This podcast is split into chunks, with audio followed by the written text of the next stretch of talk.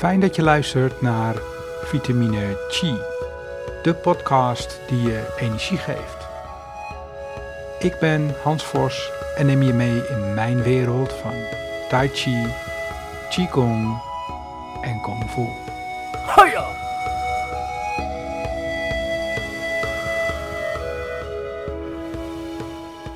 Afgelopen week had ik een fijn gesprek met Peter van Eck over zijn ervaringen binnen Tai Chi, Qigong, meditatie en geloof.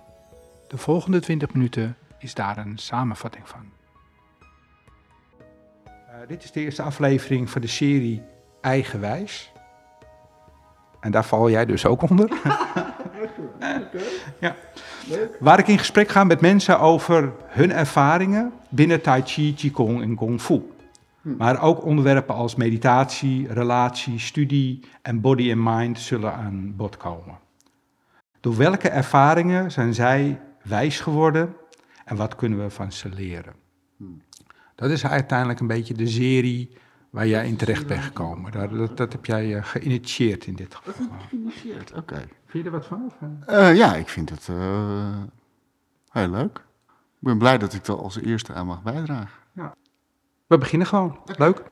Ik heb jou leren kennen via Chineng Centrum Purmerend. Ja. En om uh, de luisteraar een beetje beeld te geven, wie is Peter van Eck?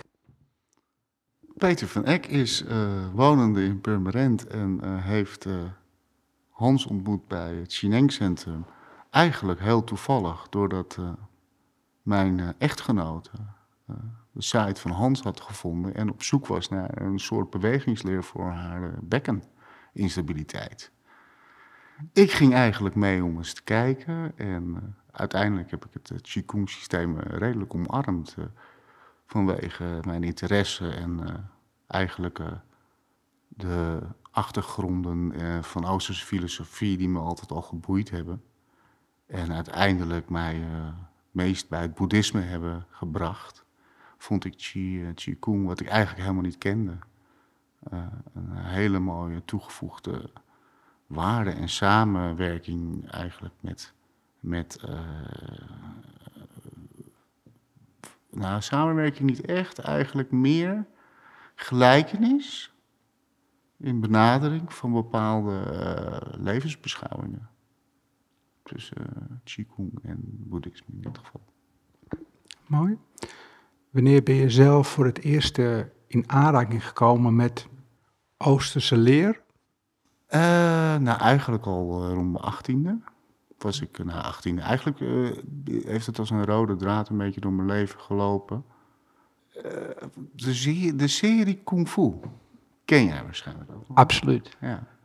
Nou, dat soort dingen. Bruce Lee ook uiteraard. Ik was uh, eigenlijk wel ook met vechtsport natuurlijk wat in aanraking gekomen. Uh, wat heb je gedaan?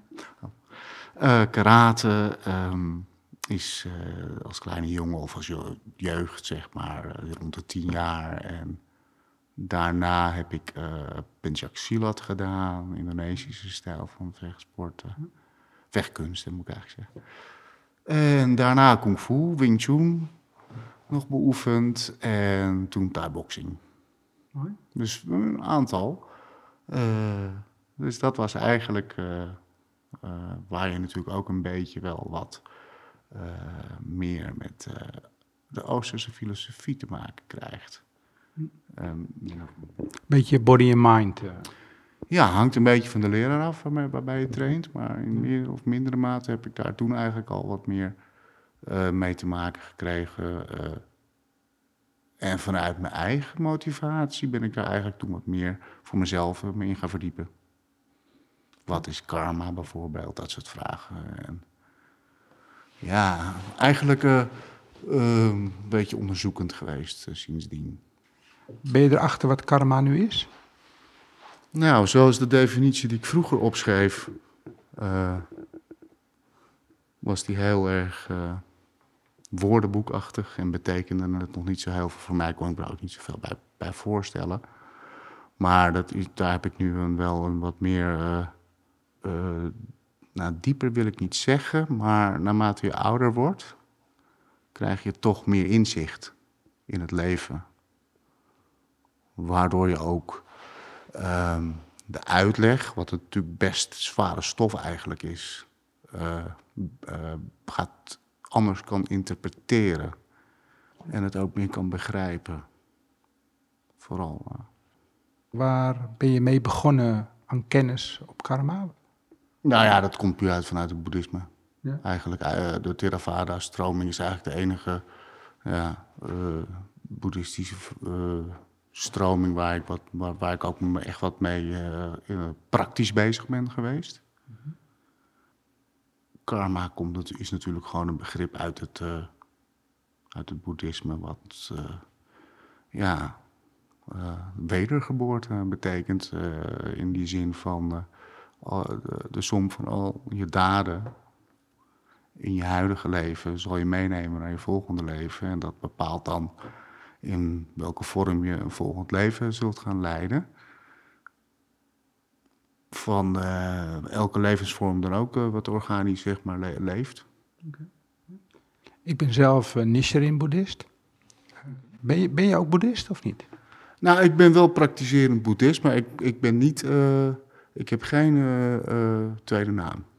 Ja, dat is eigenlijk, uh, voor mij ben ik de laatste zes jaar eigenlijk weer wat, uh, sinds 2014 toen mijn moeder is overleden, heb ik me wel ook wat meer stil weer gestaan bij de dood, want je verliest een ouder. En dan krijg je toch ook, ja, dat, dat is menselijk denk ik, je gaat daar toch op een of andere manier met de rouw om. En voor mij ging dat meer ook weer de verdieping zoeken uh, en verbreding in, het boeddhisme eigenlijk. Mooi. Oké, we hebben het net over uh, gehad, Shineng Qigong.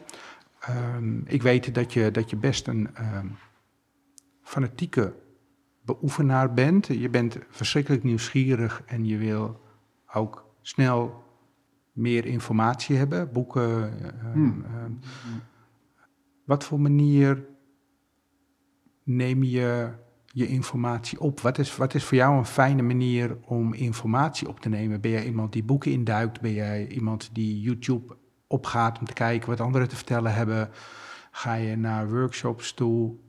En blijf je dan heel strikt in de leer die je op dat moment bent ingegaan? Of ben je dan, om over eigenwijs te spreken, iemand die zijn eigen pad volgt?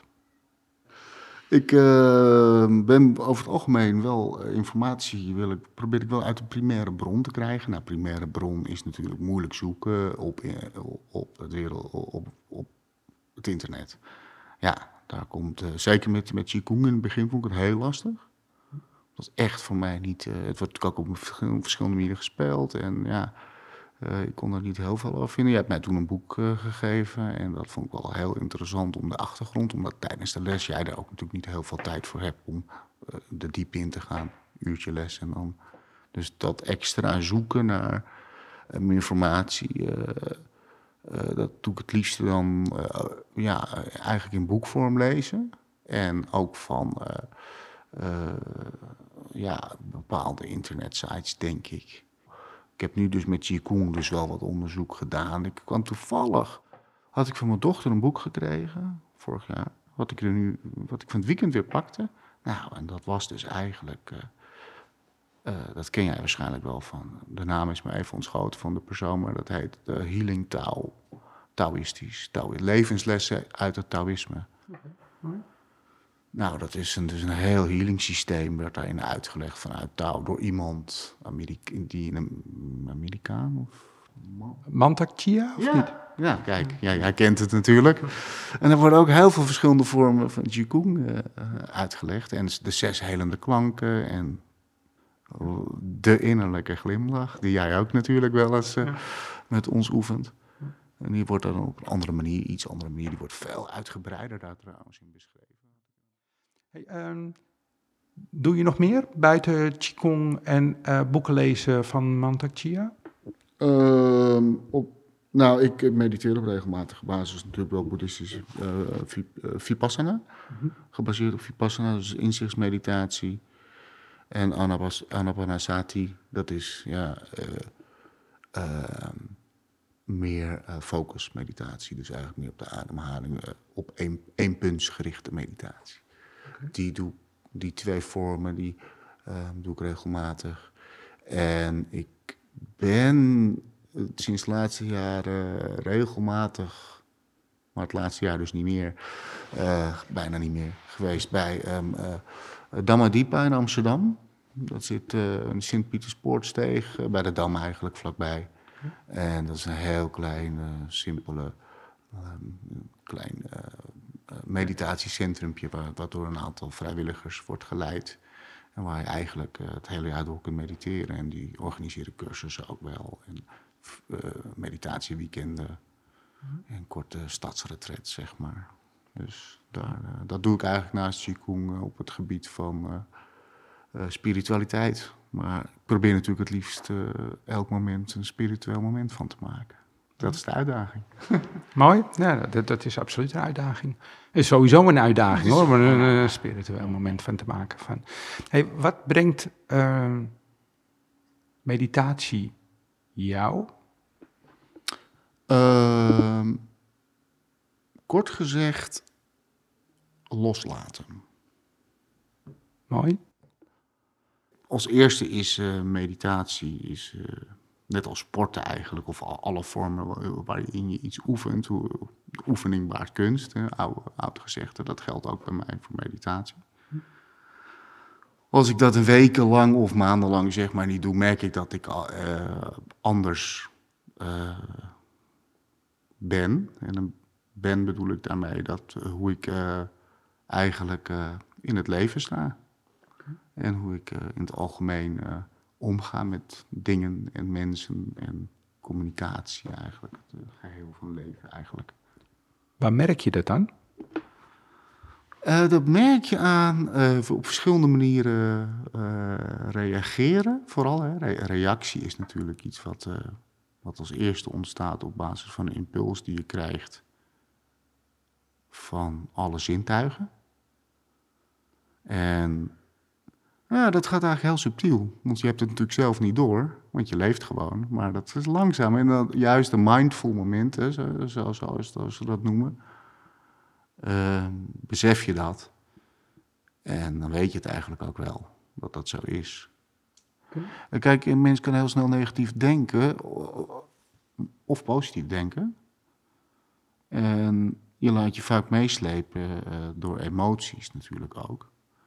En je bekijkt het wat minder van afstand dan, want je zit er eigenlijk in. En ook al mediteer je wel de hele, de hele dag, heb je nog steeds de, dat je door je geest meegesleept wordt natuurlijk. Dat, dat, dat is de ultieme uitdaging. Maar in ons leven in het Westen, ik zeg altijd westers, westerse boeddhisme, uh, praktiserend boeddhisme in het Westen als gewone lay people, zoals ze dat vaak noemen, is het streven om dat gewoon na te streven, het doel bereiken, is, uh, ja, dan zou je toch echt wat meer moeten gaan afzonderen, denk ik. Okay. En, en, niet werken of zo en dat soort dingen. en dat is nog niet het geval? Dat is, uh, ja. Oké, okay, mooi. Hier een kopje thee. Voor de droge keel, goed. Ja, het is altijd een beetje drinken, is altijd wel fijn. Ja. Dit is het einde van deel 1 van ons gesprek. En natuurlijk tijd voor de column in de podcast door Marcel van Sticht. Daar ben ik weer, uh, beste podcastluisteraars. En mijn nieuwe column heet Vissen, of beter gezegd Vis-zen. Voor mij is niet zo rustgevend en mindful als wandelen door de natuur. Ik richt mijn aandacht dan vooral op de dieren die ik zie of hoor. Ik kan daar helemaal in opgaan. Dan luister ik minutenlang naar de specht die met zijn snavel tegen een boomstam tikt Volg de, slang, de, slak die op zijn dode akkertje oversteekt. Bekijk hoe de spin tussen een paar takken zijn web weeft. Ik word daar nogal zen van. Maar het leuke is, voor een dergelijke beleving hoef ik niet eens de deur uit. Want ik heb een prachtig televisieprogramma ontdekt. Love Nature heet het. Het programma toont continu de mooiste natuurdocumentaires. Zonder reclame. Ja, ja, dat bestaat zonder reclame. En op de achtergrond rustige muziek en een bedaarde commentaarstem. De onderwerpen lopen wijd uiteen. Van de territoriumdrift van de Braziliaanse beukenpaviaan en de trektochten van de grauwe grotgems tot het jachtinstinct van de Siciliaanse sidderslang en het slome paardgedrag van de lammenzaklibellen. Ik vind het allemaal even boeiend. Maar waar ik het meest zen van word, vissen. Oftewel, vis-zen. Vaak is de wereld onder water het decor van het programma. Dan ga ik op het puntje van mijn stoel zitten. De meest vreemdsoortige en soms bontgekleurde vissen trekken voorbij. En altijd zo heerlijk ongehaast. Dan valt alles om me heen weg. Ik kan het iedereen aanraden. Of koop een vissenkom met goudvissen. Heb ik ook gedaan. Drie goudvissen zwommen rond. Ben, Bert en Bas. Soms ging ik er echt voor zitten en staarde gedachteloos naar het onbekommerde gedobber.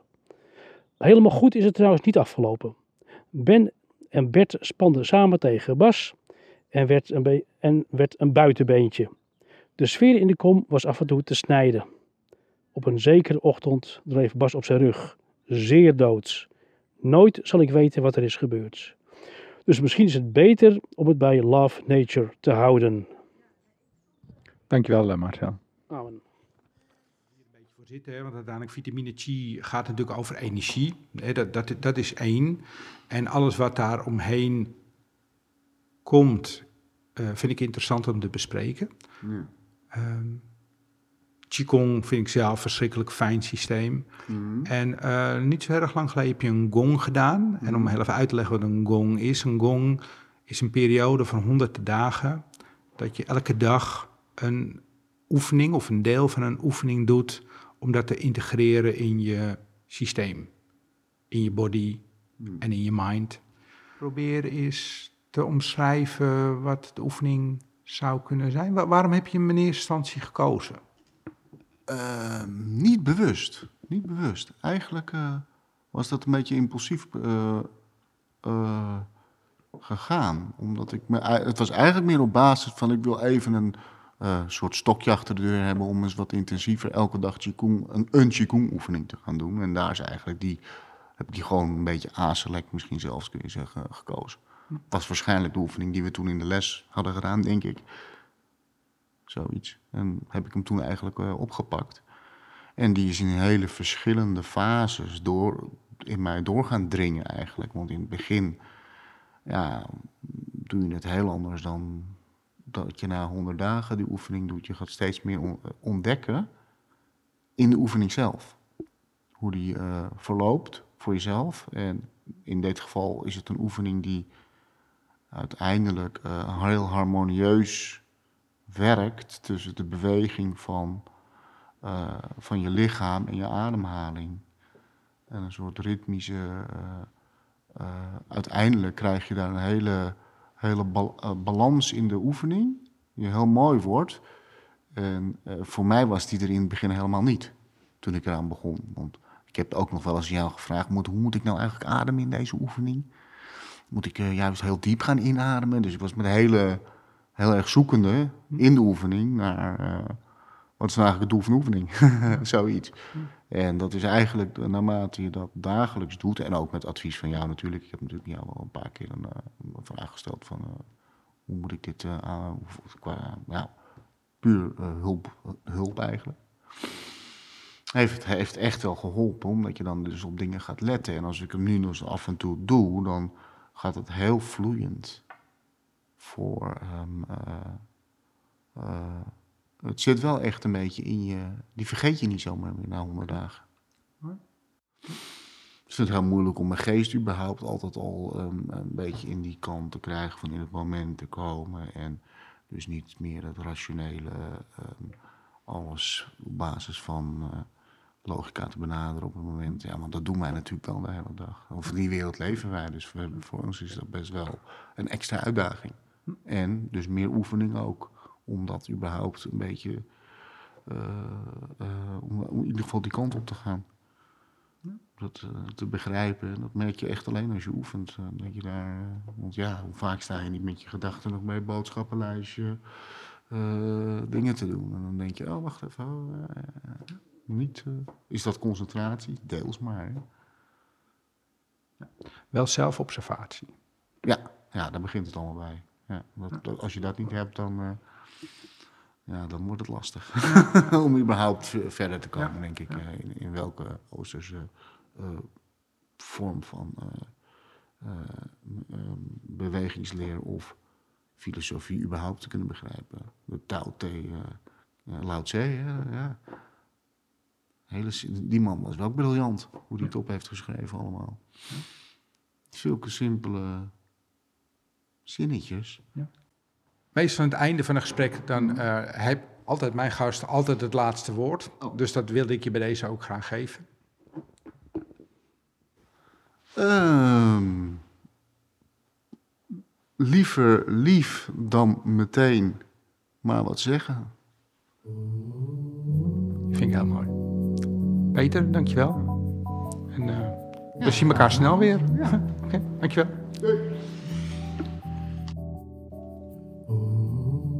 Dit was Vitamine Chi voor deze keer.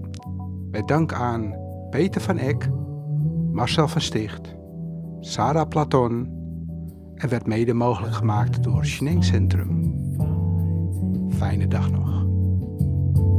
Those cats were